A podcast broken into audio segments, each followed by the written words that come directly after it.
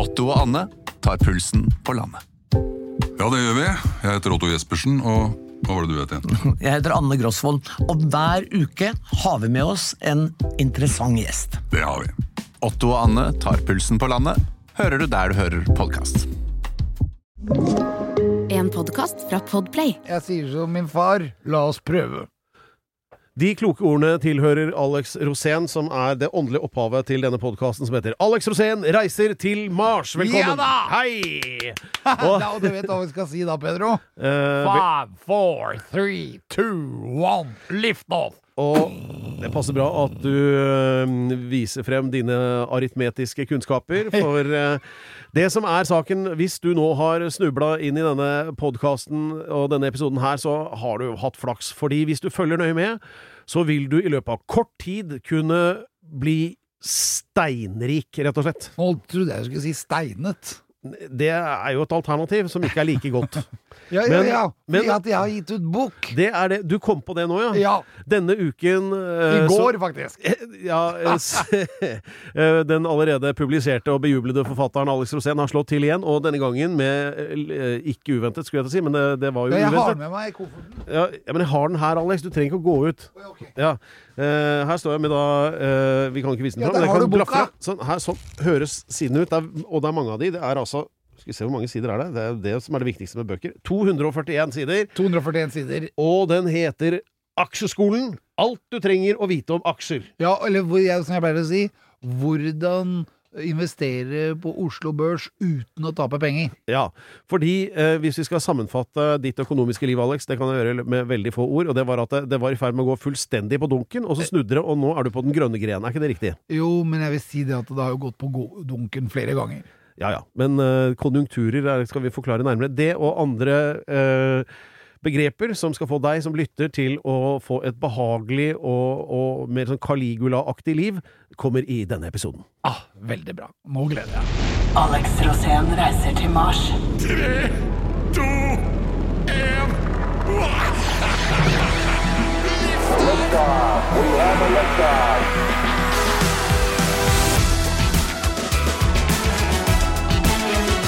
Ja, hei, det er fremdeles Alex Rosén reiser til Mars det heter, og som et ledd i denne reisen, så er jo da uh, I dag så blir det litt sånn uh, Vi hadde egentlig tenkt å snakke om at det nå er eh, tungt og mørkt og vanskelig og økonomisk og strømpriser og i det hele tatt, og krig og sånn.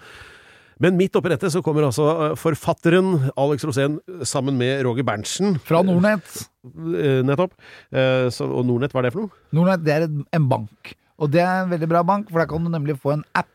Sånn at du kan være på Oslo Børs kontinuerlig, hele tida, døgnet rundt, og gjøre handler. Ja. Eh, Det er altså din medforfatter, og du er jo Hvis han er Batman, så er du Robin, liksom, i denne sammenhengen her. Og, Ja, fordi han er min læremester. Ja. Han har lært meg dette her. og denne boken, Aksjeskolen, eh, Ja. som nå kom ut eh, denne uka her, har du lest den? Ja, selvfølgelig. Jeg har jo lagd den. jeg har jo skrevet den, Pedro. ja, men vanligvis er det Men sånn egentlig så har jeg ikke lest den. Nei. Jeg har jo bare lagd den. Ja, for du, du sitter og, og prater, og så er det noen andre som uh, noterer. Ja. Det jo, men det er jo for så vidt forfatteri, det også. Uh, og uh, der ja, Vet du hva, jeg må bare begynne med begynnelsen. Hvorfor skal noen lese den boka? De skal lese den boken fordi at de skal ta et lite ansvar for samfunnet. Altså det å, å investere i aksjer, det er egentlig et moralsk ansvar. Og da må man gå litt tilbake i tid, og så må man tenke hva er en investor? Ja. En investor, det kan du være, eller du kan være en spekulant. Begge deler fins på børsen. Ja. Spekulantene de gjør det ofte økonomiske disposisjoner ut ifra egen vinning. Ja. Og 99 av de taper penger. Så det som er veldig viktig, er at når du går inn, så må du være en investor. Og da går du inn for å være lenge i aksjemarkedet. Og du går inn med en helt annen moralsk bakgrunn for hvorfor du går inn. For det er egentlig ikke for å gi deg selv penger, men det er for å gi samfunnet arbeidsplasser. Eh, produkter, kanskje produkter de ikke vet de ha, trenger engang, for det skal jo være det å skape nye behover. Men det er i hvert fall en eh, samfunns, det er samfunnsengasjerende å være på børs. Og uh, måten du gjør det på, er å investere sparepengene dine i firmaer du tror på. Og da er det veldig viktig å finne firmaer som kanskje tjener penger, eller kanskje de skal tjene penger om 10 år, kanskje om 20 år. Vi har et grønt skifte som er på vei. Ja.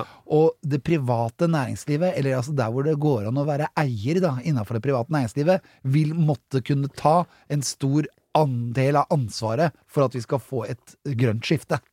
Og i dette her så ligger det veldig mye lesning, veldig mye samfunnsengasjerende arbeid for å være med på dette her. Og når jeg fant ut at det var med min lille radikale gamle hjerne, Ja. og fant ut at det faktisk var moralsk riktig å investere Ja. For det som skjedde, var jo at korona kom, og Ja. covid-19 og hele det greiene der. Og da hadde jeg bare Uh, Alex Rosén reiser til Mars. Ja. Det var jobben min. Ja, og det- det er jo ikke nok. Nei, fordi du levde jo, eller lever jo av å frese rundt overalt og holde Ja, show og og jeg er jo avhengig av et publikum. Ja, og når det er nedstenging, så går jo ikke det. Nei. Og da måtte jeg tenke, hva gjør jeg nå? Og da husket jeg på bestefar. Ja. Bestefar han sa til meg at uh, Alexander Og så tok han og holdt meg på hodet, for da var jeg så liten at det var helt naturlig at jeg skulle ha hans hånd på hodet. og så sa han det at eh, du må, må på børs, vet du. Og så fikk jeg da i dåpspresang 12 eller 14 aksjer i et rederi. Og jeg tok ut de pengene da jeg var 18 år, og da hadde de 1000 kronene blitt 17 000 kroner. Ja. Så det var liksom Det var veldig smart at bestefar kom med sånne uh, råd til meg, da. Og han husker han sa til meg at uh, den som ikke er sosialist som ung, har ikke hjerte. Den som ikke er kapitalist som gammel, har ikke hjerne. Og tenkte jeg ok, den må jeg bare sitte og tygge litt på. Men det, det er jo interessant fall- sier, det, det der med at Det ene utelukker ikke det andre, da. Nei, nei. Det går an å ha et stort hjerte, men samtidig ha en hjerne. Ja, ja. Så, øh, fordi det man tenker alltid altså, om disse som er rike og har mye penger i aksjer og whatnot, altså, de, de er egoister, er liksom sånn per definisjon sånn de Ja, tenker. men det er bare tullball. Ja. Fordi at det egentlig så Det er greit å ha penger, men det er jo ikke alt her i verden. Vi må være lykkelige. Ja. Og jeg har vært veldig fattig. Jeg har gått på masse smeller. Mm. Og jeg har ikke vært mindre lykkelig. Kanskje jeg har vært mer lykkelig til og med når jeg ikke hadde penger til mat og måtte gå rundt og så plukke druer på Rema 1000 fordi at jeg måtte ha noe sukker i blodet. Ja. Altså Jeg har vært på begge sider av den linja der, Ja. og jeg har hatt flaks i livet, så derfor så har jeg også tjent penger. Ja. Men det som har vært greia, er at det, lykke er kanskje det viktigste i verden. Og lykke er ikke nødvendigvis forbundet med penger. Men hvis du skal ha barn, og hvis du skal øh, opprettholde dine forpliktelser overfor banken hvis du har store lån og sånn, så er du nødt til å tenke eh, penger. Du er nødt til å tenke overlevelse. Og det som er greia da, er det at det er et av mine bidrag, er denne boken, for den kan du lese uavhengig av politisk ståsted. Det er bare rett og slett å lære seg litt om hva som foregår i verden, utenom alle disse vanlige tingene, sånn som Sportsrevyen og og Kåss på lørdag. Ja, det er jo masse Jeg, jeg elsker jo singler, for eksempel, og rock'n'roll. Ja. Rock'n'roll er jo en stor del av meg, Ja. men det har ikke så innmari mye å gjøre med det her. Nei, nei. Det her, det her er mer for at jeg skal ha en garanti for at hvis alt går til helvete i mitt showbusiness-liv Ja. og mitt økonomiske liv, så har jeg én fot jeg kan hvile på, Ja, ja. nemlig børsen. Og jeg har til holdt foredrag for Oslo Børs om aksjer til stående Det applaus! hørte jeg. Og da sa manageren min du er ikke skuddredd, du holder foredrag for børsen om aksjer, ja. og det, jeg tenkte jo ikke på det før det var ferdig. Det er liksom som Trygve Hegnar skulle komme hit og holde foredrag til deg om garasjerock. Ja! det hadde blitt tullball. Ja, det skulle jeg gjerne hørt, forresten. Dette dreier seg egentlig om evne til omstilling, Ja. og det må alle mennesker ha. Ja. At det, plutselig så kan den grenen du sitter på knekke, og Ja. jobben din er ikke helt på nett.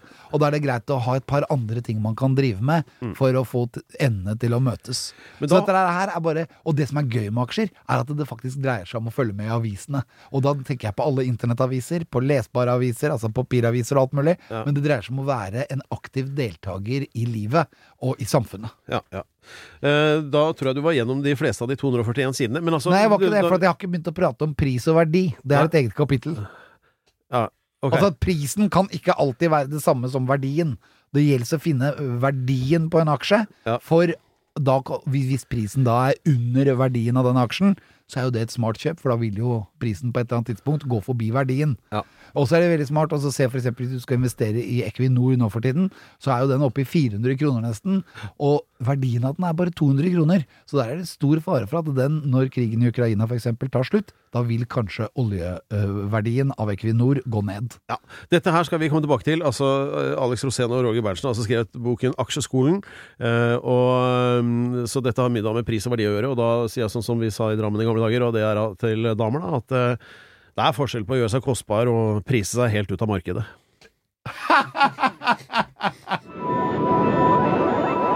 Det er altså rett og slett sånn, dere, at uh, dersom du lurer på noe som helst i for, forhold til det å kunne karre til seg noen kroner, eller spekulere i aksjer, eller ikke investere, unnskyld, uh, så er det bare å lese Alex sin nye bok som kom denne uken, Aksjeskolen. Eh, du nevnte så vidt det, Alex. Altså, la oss bare nå bare tra, dra dette ned på sånn folkelig plan.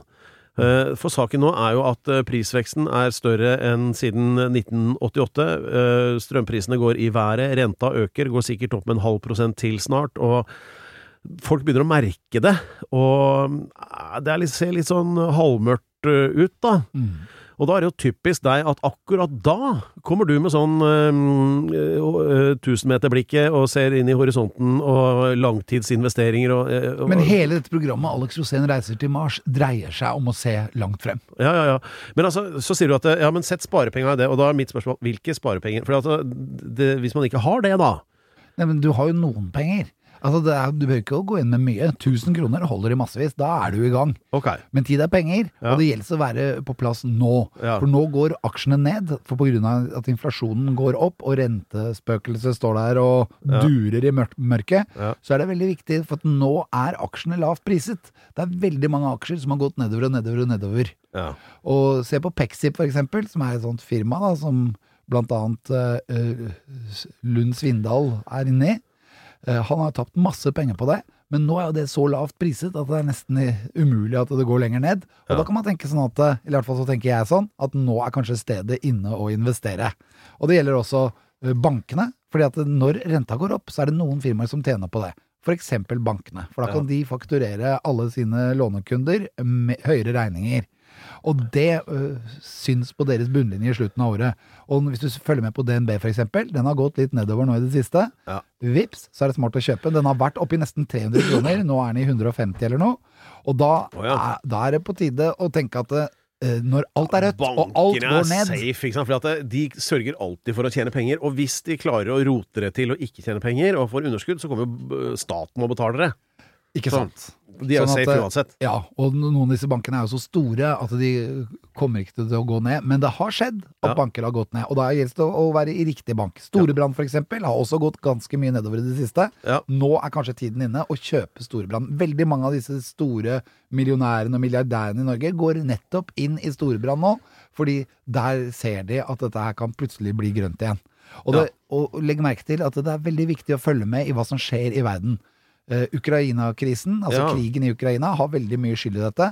Se på LNG for eksempel, som er altså gass fra Norge. Det har jo gått rett i været. Ja, vi tjener jo penger på dette her. Ja, vi gjør ikke det, men Norges stat gjør det. Ja, ikke det vi, da? Altså, oljefondet er jo midt og ditt. staten er jo alle som bor her. Ja. Men uh, hvor mye du ser til det, som egentlig skal Equinor er 67% den norske stat. ja. Så, men, eh, men og, okay. og, og det er vel også det i Oslo Børs. Equinor er et av de største firmaene, det er det største firmaet, som er på børsen. Men det som er, gjør at eh, disse spekulantene på Oslo Børs klarer seg alltid, eh, det er jo det at selv om det blir krakk, så er det for få etasjer i den børsbygningen til at de kan drive og hive seg ut fra vinduene, vet du. Ja. Så det, det, Men spekulantene, jeg tar jo opp dette her, for det er to typer investorer. Det er Ja. investoren, og så er det spekulanten. Spekulanten i 90% av tilfellene taper penger. Så du må ha snakket til deg selv litt. Hvorfor går jeg på børs? Og jeg går på børs utelukkende fordi jeg vil redde jorden fra global overoppheting. Og det er akkurat det samme som det vi gjør her i dette programmet. Alex Rosén reiser til Mars dreier seg om det. Ja. Og det er egentlig utskiftning av hele infrastrukturen på jorden, Ja. for at vi skal få en infrastruktur som funker uten at vi behøver å ødelegge jorden rundt oss. Nå- nå- Og jeg er alltid positiv. Ja. Nå må du høre på meg. Jeg er alltid positiv, og jeg er alltid glad. Og derfor så tenker jeg det at det må man også være når vi står i en krise. Ja. Og husk nå, nå er det mange lavt priste aksjer, så den beste tiden er alltid å gå inn på børs når det er krise. Ja, ja. Når Men alt du, er la, rødt. du, eh, la meg bare spørre, fordi at eh, altså, For all del, altså selvskryt skal man lytte til, for det Nei, kommer fra hjertet. Men. Eh, men hør nå. Du, For jeg har gått mye på trynet, altså. Ja, ja, jeg veit det. Og vi har gått mye på trynet sammen. òg. vi har vært fattige sammen. Vi kjeda oss ikke da. ja, ja, ja. Men, eh, men så tilbake til dette med moralen, da. Eh, Det her at eh, vi tjener jo haugevis av milliarder på uh, kri- Russland-Ukraina-krisen, ikke sant, på grunn av økte gass- og, og oljepriser. Uh, sånn at uh, La oss si nå, nå, nå bare gjetter jeg, dette er ikke reelle tall, men la oss si at vi da på et halvår da tjener 100 milliarder ekstra, som vi ikke ville tjent uten den krigen. Er det riktig å dele de pengene med eh, ofre for krisen, f.eks. For i form av feilt sykehus, flyktningleirer, eller, eller hva det måtte, medisiner, et eller annet som trengs for noen som er rammet av det? Er du, hva syns du om det? Jo, det er jo kommet masse forslag om det. Et Ja. av forslagene er jo å hjelpe til å bygge opp infrastruktur i Ukraina når krigen er over. Ja. For de trenger eh, masse hjelp. Og det syns jeg er eh, egentlig rett og rimelig. Ja. Fordi at vi tjener så mye penger på deres ulykke. Ja. Og da er det jo det Men her er det ikke tatt noen avgjørelser fra styret Altså fra eh, regjeringen. Eh, Det har vel egentlig vært egentlig mest benektet at det ikke skal støtte, at man skal følge prisen, og at det ikke skal settes pristak heller. For det har vært forslag også om pristak. Men eh, when it comes to blows, så skal vi selvfølgelig hjelpe. Akkurat sånn som vi hjelper med våpen til Ukraina nå, så skal vi hjelpe Ukraina når de, når de er ferdig. Men også med sykehuser og, og veldig mye annet. Men her må det tas avgjørelser på et annet plan enn der hvor jeg sitter, da. Ja, Så vi, du er med på å dele de ekstra penga vi får pga. krisen? Ja, jeg mener deling er kjempebra, jeg. Ja.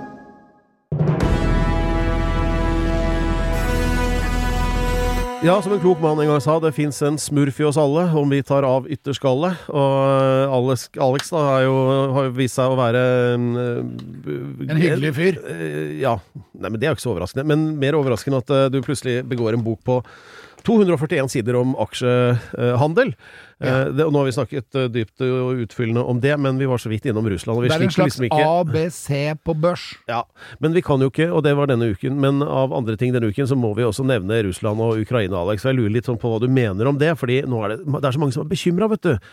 Som er redde for at nå skal Putin finne fram den store røde knappen og begynne å plaffe løs og? Og tenke på det. Og nå var det jo da denne broen eh, som uh, Skal vi se her nå, hva var det den heter igjen, da? Uh, Kertsjbroen. Som ikke sant, går da fra Krimhalvøya, som russerne tok egentlig fra Ukraina for snart ti år siden, og inn til det russiske fastlandet. Mm. Som da ble sabotert.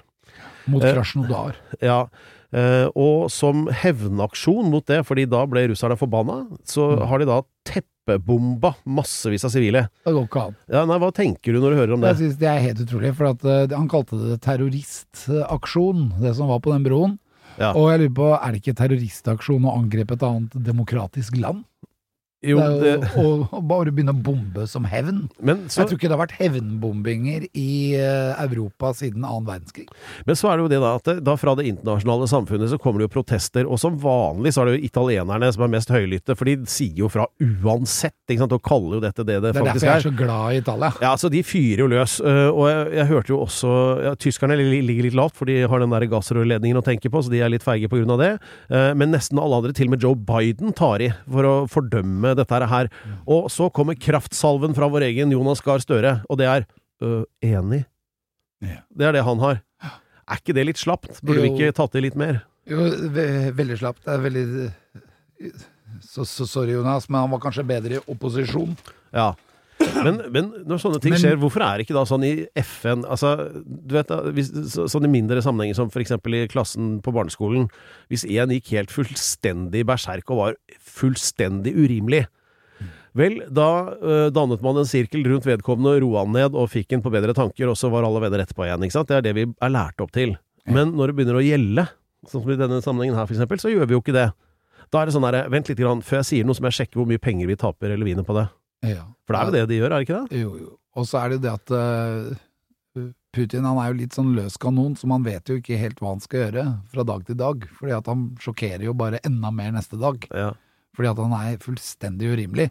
Han har ingen uh, Han har ikke noe omtanke for noen. Nei. Og krig er jo aldri løsningen på noe. Han er jo egentlig en agent som jobbet for KGB, og så ble han politiker fordi Jeltsin var litt nervøs for hvem som skulle komme etter han. Og så satte han da en sånn dynamitt-kubbe på Ja, for han, sånn han leder- trodde at. Putin var sånn eh, grå mus, liksom. Ja. Men- Og, men Putin han hadde jo hevntanker allerede fra dag én. Ja. Jeg husker Bill Clinton sa det at eh, det lyste ikke akkurat demokrati i øynene hans. Nei, eh, og når det gjelder Jeltsin, så lyste det vel egentlig mer en sånn vodka-talk av øynene hans, så Ja. han var jo Men Jeltsin han var jo en større statsmann, for han hadde ikke det der naget mot Vesten. Nei. Jeg husker jo da han kom ned flytrappa, jeg er ikke helt sikker på hvor det var, men han bare sugde tak i Nancy Reagan og tok en sånn jenka ut på flyplassen der, og da var ikke han edru, altså. Nei, han gjorde jo det med Sonja òg. Ja, det er jo det er mye bedre stil, da. Ja, det er jo det. Han var glad, ikke sant? Ja, ja.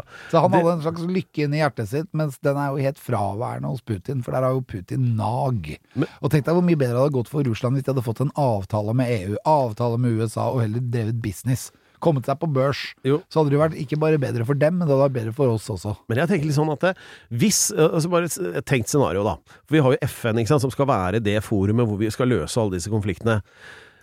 Eh, altså Hvis Jonas Gahr Støre hadde bedt om ordet og gått opp på talerstolen der og egentlig bare gitt faen i alle sånne diplomatiske og økonomiske hensyn og sagt at vet dere hva, jeg syns at russerne nå syns jeg det er noe jævla rasshøl, og de må ta seg sammen, og hvis ikke så må vi komme og riste dem. Ja. Takk for oppmerksomheten. Og så satt seg igjen.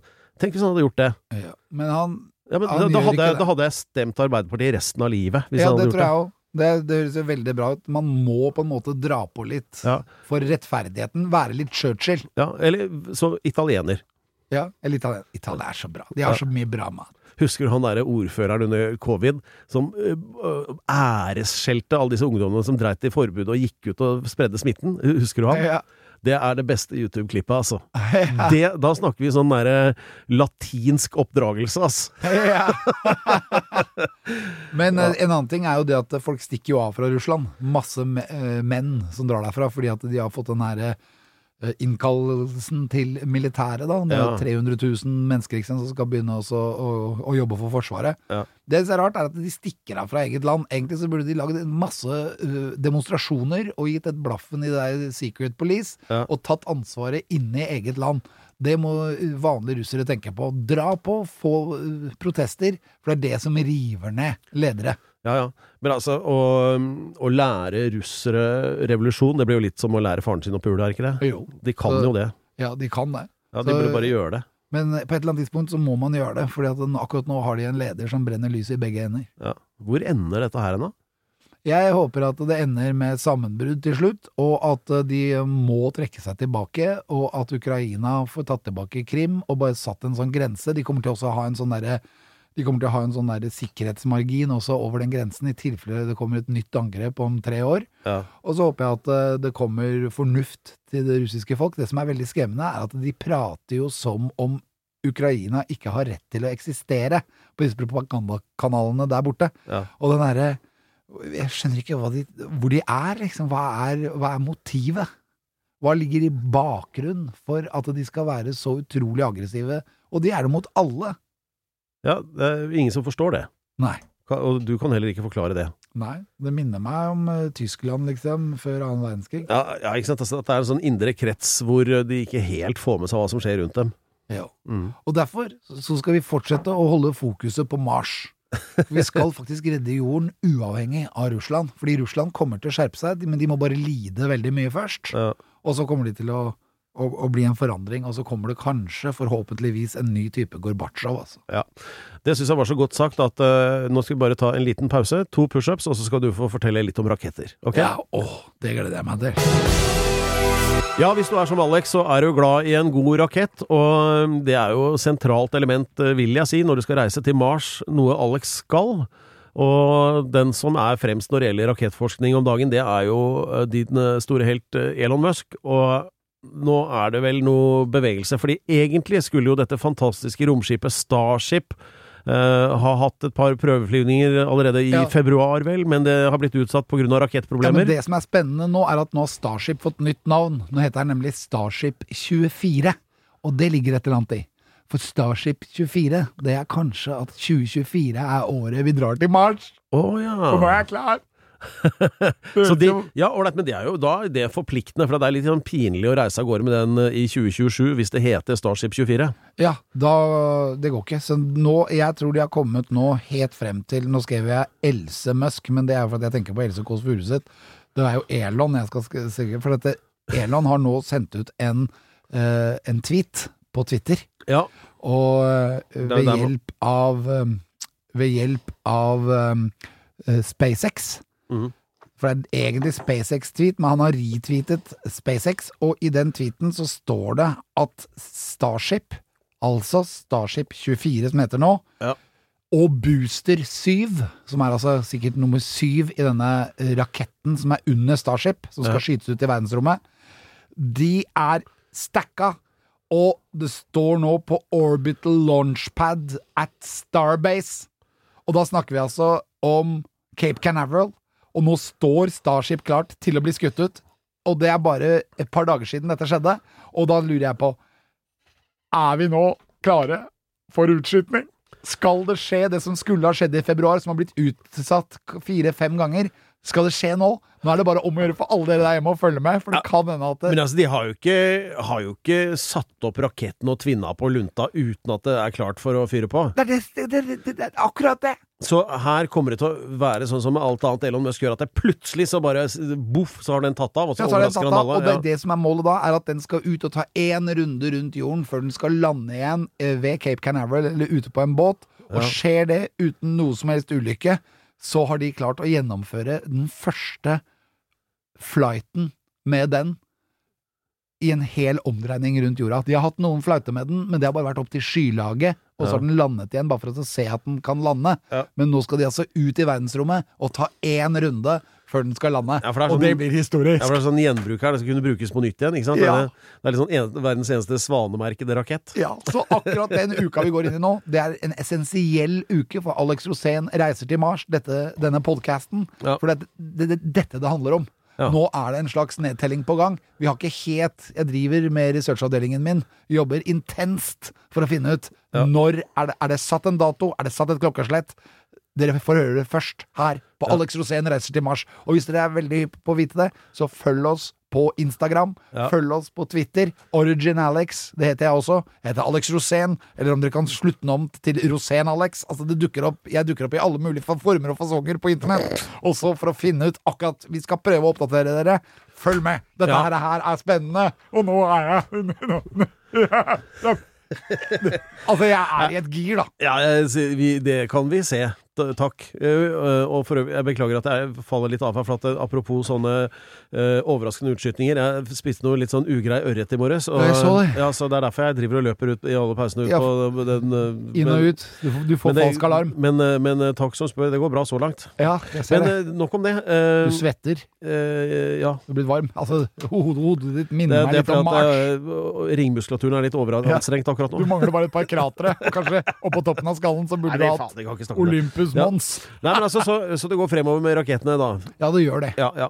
Og, Og- det betyr, eh, apropos dette vi har snakket om aksjer og sånn, er det nå man skal kjøpe sånne SpaceX-aksjer, da? Ja, de fins ikke. For de er oh, ikke, det er et personlig firma. Å ja. Det er enmannsforetak. Ja, så det har ikke kommet ut ennå. Ja. Men skal, hvis dere vil investere, så kan dere investere i Tesla eller PayPal. Det er to firmaer som eh, Musk har noe å gjøre med. Mhm. Eh, når det gjelder Tesla-aksjen, så er den ganske billig nå, så nå kan man begynne å revurdere om det ikke er smart å gå inn på den nå. Og hvis du sitter long, så kommer den til å gå opp. Hæ? Sitter long? Long betyr sitte, sitte lenge. Hele Ja. poenget, og det skriver jeg om og om igjen i denne boken, det er å ikke selge på nedturer. Ja. Holde aksjen lenge. Historisk sett så har det alltid vist at det har lønt seg. ja. For det er vel sånn med, med, med aksjer som med antikviteter, at uh, du tjener jo ikke penger når du selger dem, du tjener penger når du kjøper dem. Altså du må kjøpe til riktig pris. Helt riktig. Så Ja. pris og verdi er to forskjellige ting. Finne ut verdien av aksjen, se om prisen samsvarer, eller at den er litt lavere enn verdien, så er det alltid smart å kjøpe. Ja. Nei, men øhm, Uh, Ja, så betyr dette at du liksom nå Altså, for å komme med denne raketten i 2024, altså dette lurer jo sikkert alle på. Hva, hva gjør du sånn helt konkret for å få en plass der? Det du må gjøre da, er å Eller du. kan me ja, Sier jeg. Det jeg har gjort, er at jeg har meldt meg opp øh, på Starlink. Ja. Og så har jeg meldt meg opp øh, overfor øh, SpaceX. Og hvordan de da skal øh, rekruttere folk til Det er jo meningen at det skal sendes én million mennesker ut, og da vil de ha vite hvem som er interessert. Og der fins det på Starlink, nei, på spacex.com, så fins det da en, øh, en peker der som sender deg inn til et slags oppmelding. Og jeg har jo nå vært på diett lenge nå for å være i riktig vekt og i riktig fasong for Ja. utskytning. Mm. Og min optimale vekt er 95 kilo eller mindre. Mm. Nå veier jeg 99.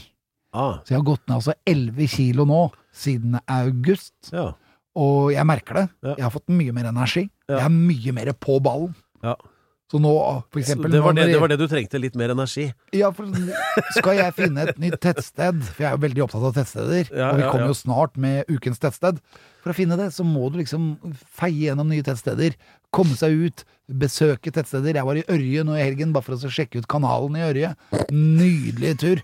Og Ørje er jo et fantastisk sted, og også Rønnesjøen, som ligger rett nord. Ja. Eh, Sånn at det har vært så spennende. Og jeg har vært i Nord-Norge, funnet et helt nytt tettsted som antageligvis blir denne ukens tettsted. Ja, vet du hva, vi bare- det ha det ja, men. Slapp av nå. La oss bare gå til det nå, da. Vent, vent, vent.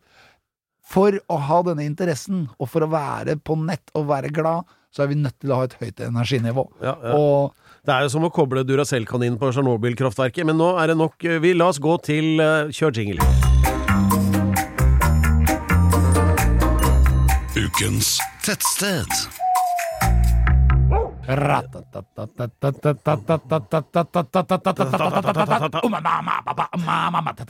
Tettsted. Det er eh, Og den doble jinglen tilsier at det er for, Ja, for de som har ekstra tungt for det, så kan jeg si at nå er det på tide med ukas tettsted. Helt Eh, riktig. ja.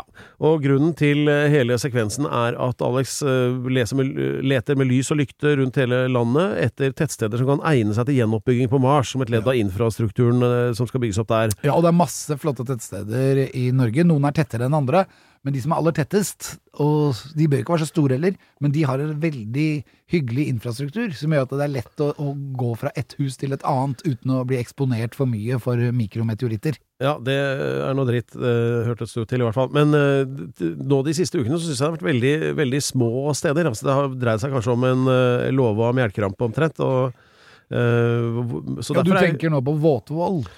eh, For eksempel. Ja, Våtvoll var jo ikke stort, Nei. Men det var veldig intenst. Men veldig flott sted, da. Så Ja. bilder og Nydelig. Og så strakte det seg jo, selv om det var tre-fire hus, så strakte det seg jo bortover veldig Men- men- langt men sant, område. altså- De hadde store muligheter for utbygging. Ja, for, men for de som tror at dette er tøys, så er det jo ikke det. Fordi Alex har altså en sånn der patriotisme som er helt spesiell. Når, øh, det merker man med å reise litt rundt med deg. Altså, du, er du, du- får med deg absolutt alt som foregår øh, utenfor bilvinduet, ikke sant? og så ser du et sted, og så begynner det å boble. Og da plutselig kan Alex si 'stopp her!' Og så løper han ut av bilen og skal liksom smake på gresset. Altså, det, liksom, du, du gjør jo sånne ting. Ja, Og så rett inn på butikken og begynne å forhøre stakkars folk som jobber der inne, som Ja. lurer på om det er skjult kamera fordi du spør om alskens ja, Ja, hvorfor bor det folk her? Ja.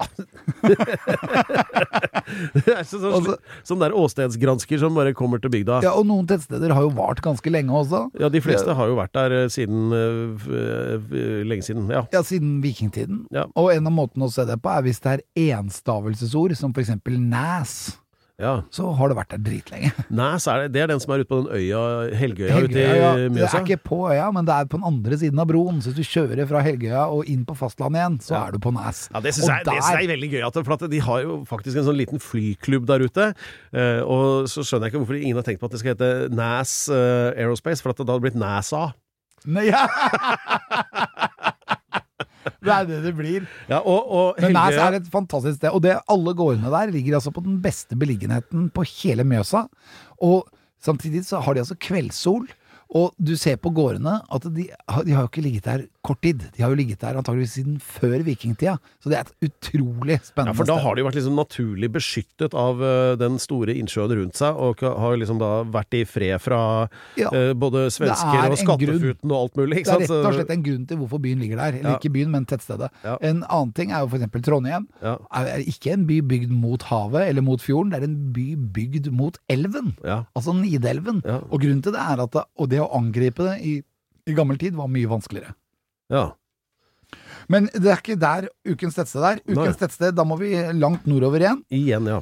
Vi må opp uh, til den delen av uh, Lofoten og Vesterålen som ikke er Nordland. ja. Altså lengst nord. Ja, på en måte. Lengst nord er jo Andøya, men Andøya er en del av Nordland. Sånn at det nordligste punktet i Nordland er jo Andenes. Nordligere kommer du ikke i Nordland. Ja, er det, hvor går grensa over til Troms? Grensa går veldig rart. Ja, Den er er det går- grense der lenger? For nå har de jo slått sammen. Ja, den går over Hinnøya, på en måte. Okay. Og den går litt uh, sør av Harstad. Ja, Altså, Hinnøya, er det Norges største øy, forresten? Ja, det er det. Ja. Men uh, det er veldig uh, rart, egentlig, for i min hjerne så er liksom Harstad en del av Vesterålen. Men det er ikke det, for de er en del av Troms. Ja. Og det er sånn evinnelig kaos i mine hode. Jeg vet ikke Det må ha vært Tore Hund, han bodde jo på en øy rett utafor der. Ja, det var han, han som tok rotta på Olav den hellige, det. Ja, og Ja. han må jo ha på en måte vært her og ordna opp i disse grensene tidlig, tror jeg. Ja, ja, han fikk jo gjort ting, han. Men vi skal i hvert fall til det området. Det er ikke så langt unna Adolf-kanonaen. Du må jo kjøre da inn i Harstad. Kommer deg opp til Adolf-kanonaen. Der kan du stoppe og ta en liten titt. Ja, det, er det sånn som var der for å beskytte innseilinga til Ofotfjorden, eller hva? Ja, nei, ikke Ofotfjorden, men det er egentlig til å beskytte innseilingen på innsiden av Senja. Okay, ja. Mot Andørja, kan du si. Ja, ja. Og også Tjeldsundet. Dette fantastiske sundet som strekker seg helt fra Helt ned mot Narvik og Ofotfjorden, men som da har utløp ved Harstad. Ja. Derfra oppover så er det jo mange sånne fine eh, altså, Som gammel kystartillerist, så sånne Grøtsund, Grøttavær og disse kystfortene, Ja. som egentlig er bare sånne bergnabber som stikker et kanonløp ut av fjellet der. Har du sett det? Ja, ja, ja, det er Alf-kanonene. Ja, Er det det? Ja, ja, De ja. heter det? Ok. Du må, du må dra dit. Ja, jeg var jo egentlig tiltenkt å bli, skulle bli sendt dit, og hele min eh, kontingent på rekruttskolen ble sendt oppover, med unntak av meg, for jeg ble sendt til eh, Forsvarets filmtjeneste på Akershus festning. Ja. Da måtte jeg rømme så for ikke å få juling fra de andre.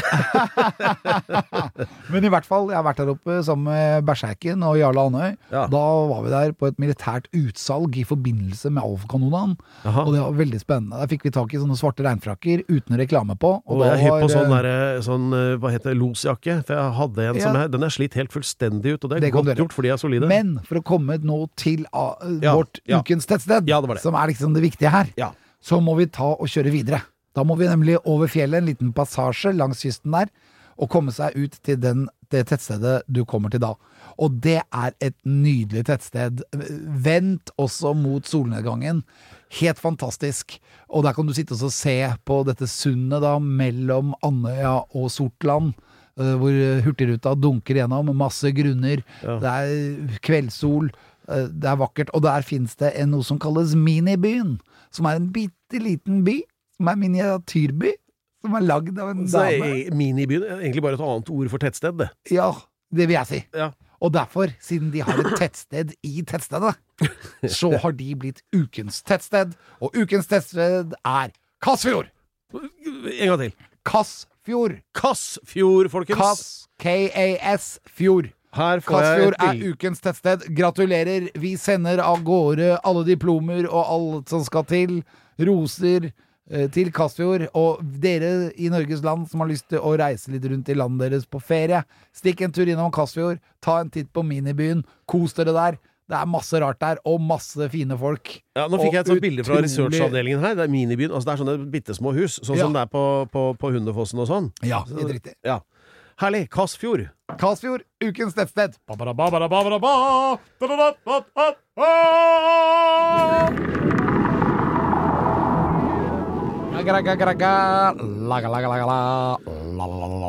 Dette er en fonetisk øvelse som eh, kalles dingletruten, og det er noe Alex driver med for å varme opp organet. Og det er spesielt viktig med prikkfri diksjon når han skal skryte av seg selv, og det er det som skal skje nå. Og Ja, og det er alltid viktig å ha et varmt organ. det skal jeg ikke det, det var ikke en eufemisme. Nei, det var en euforisme. Ja. Er det det logiske svaret. Og uh, det er altså Det finnes Eller det finnes sikkert flere, men uh, vi har en liste, eller Alex har en liste over 100 grunner dette er som en slags arbeidssøknad til Elon Musk for å få være med i den der raketten vi nettopp snakket om, til Mars, blant de første som reiser opp dit. Eh, Da må man ha de rette egenskapene, og Alex har laget en liste over sine egenskaper som han mener er relevante. Vi startet på 100 og teller nedover, da, og har kommet nå til 71. Tidligere har det vært alt fra eh, empatisk, at han har god balanse, har litt Alzheimer, er årvåken og alltid i godt humør, og er en god kokk og har stamina og godt langsyn. Og i dag er det altså grunn nummer 71. Grunn og det, dette må begrunnes. Ja, absolutt. Eh, Jeg er jo gammel soldat. Og som soldat så vet du at det er veldig viktig å være i team. Og så er det alltid viktig å ikke bare tenke på deg selv, men tenke på de andre. Hvem er det som går bakerst i køen? Han sliter mest, han går vi bak. For å hjelpe han fremover. Så Og dessuten så har jeg vært vakt på Slottet. Jeg har vært vakt eh, i Skaugum, Kongsgården og også Gardeleiren. Så jeg har veldig mange døgn i vakttjeneste. Og hva er det jeg er når jeg har vakt? Ja, du har sagt årvåken før, så det er ikke det du tenker på. Årvåken er veldig Den, bra. den, den har du, på lista være- fra før av. Ja, men du må være årvåken. Ja. Det er også en av de tingene jeg lærte i militæret. Jeg ble jo mann i militæret. Ja. Jeg Skal vi se hva du, må, hva du må gjøre når du er vakt. Altså det, en ting du ikke må gjøre, det er f.eks. å forlate eh, skilderhuset ditt utenfor Slottet og gå ned på Narvesen og kjøpe brus med AG-en over skulderen. Det gjorde jo du. Ja, for at jeg, Det- har alltid, jeg har alltid hatt disse egenskapene, men jeg har i tillegg også vært litt, en liten fri sjel. Ja, hvordan gikk det etter den Narvesen-brusen? Nei, det blei refs. Det ble det. Jeg fikk jo refs. Kakebrød, Men som jeg sa, jeg er tørst. Det er ikke noe vann i det der skilderhuset der. Og jeg måtte ha noe å drikke. Ja. Nei, så ja, ok. Eh, Fortsett. Ja, eh, denne egenskapen er veldig viktig i forhold til for eksempel kongen. Ja. Skal du møte kongen, vips, så må du ha den egenskapen. Fordi da må du hilse på han. Og hva er det kongen liker best? Gin og tonic. Ja, forutenom det. Nei, jeg vet ikke. Krokkert? Det, jeg Han liker folk som er standhaftige. Standhaftig. Ja, det er ukens egenskap. Jeg kan nemlig gå opp i rett. Jeg kan fortsatt slutte ut orden. Ok, da tar vi litt jo- eh, sluttet orden. Ja. Kompani. Right. Sa du det? Altså, jeg kan dette her ennå, selv om det er så mange år siden jeg lærte det. Så det sitter inni meg. Vending være- til venstre. Der, ja. Til og Der med, smalt jeg har det godt i med smell i Ja, beina. det, det her kan du. Så jeg, har- jeg, jeg har ikke glemt å være en skikkelig soldat. Jeg Nei. begynner å dra på åra, men det sitter i meg. Ja. Og standhaftig, det må vi være også når vi skal inn på Mars. Vi er nødt til da å ha høy moral, rett i ryggen, holdning. Ikke sant? Alt skal være på plass. Og så skal vi gjøre oppgaven, og så må vi kline til og dra på og, og gjøre det skikkelig. Der eh, runder vi av denne eh, både rørende og moderniserte versjonen av H.C. Andersens Den standhaftige tinnsoldat. Den standhaftige Alex Rosén i. Alex Rosén. Presenter gevær. Det er egentlig litt som i kung fu, de lydene der.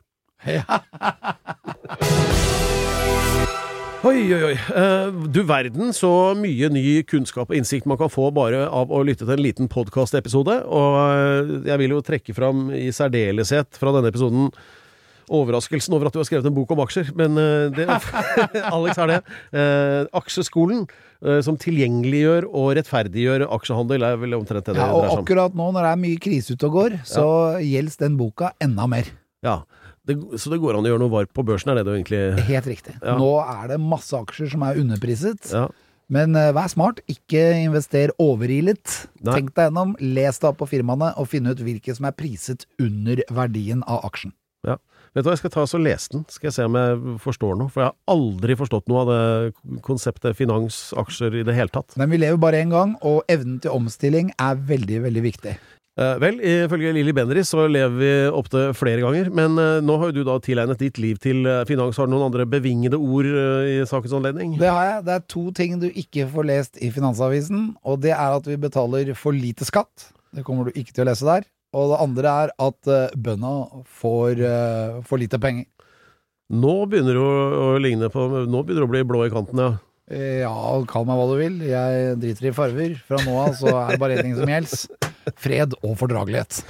Ja, det oppfordrer jo til ved å si det om bøndene. Vet jo hvor omtrent hvor um, ja, uh, imøtekommende de er når du begynner å, med den slags. Ja, men, men jeg um, bare fortalte hva du ikke kommer til å lese i Finansavisen. Ja. Ikke hva jeg mener. Jeg har mine egne er meninger, og de nasjon- holder jeg for meg selv. Vi er jo hillbillies og cowboyer av hele gjengen og bønder. Ja, og jeg kan være sammen med bønder. Jeg elsker å kjøre motocross, og det er bønder som slipper meg ut i skogen. Ja, og jeg elsker å kjøre traktor. Og um, hvis du har lyst til mer av denne ektefølte og dyptpløyende eh, innsikten, så er vi på plass hver eneste uke her i Alex Rosén reiser til Mars, helt Ja. fram til han er borte. Eller det vil si på vei til Mars, da. Du finner oss på podcast, Ja. eh, Podplay, eh, Spotify. Du finner oss også på internett, da i Instagram eller på Twitter. Folkens, wake up call. This is right now. Og hvis du trenger litt ekstra fyr i bua før du skal ut på en lørdag, så anbefaler vi Radio Rock fra klokka 15 til 18. Ja, og kanskje en øl, eller gå på Vinmonopolet. Ja, eller Ja, og det holder det til. Så blir det fest. Hei, hei.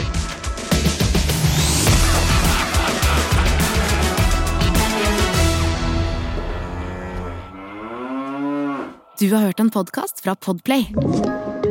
En enklere måte å høre podkast på. Last ned appen Podplay, eller se podplay.no.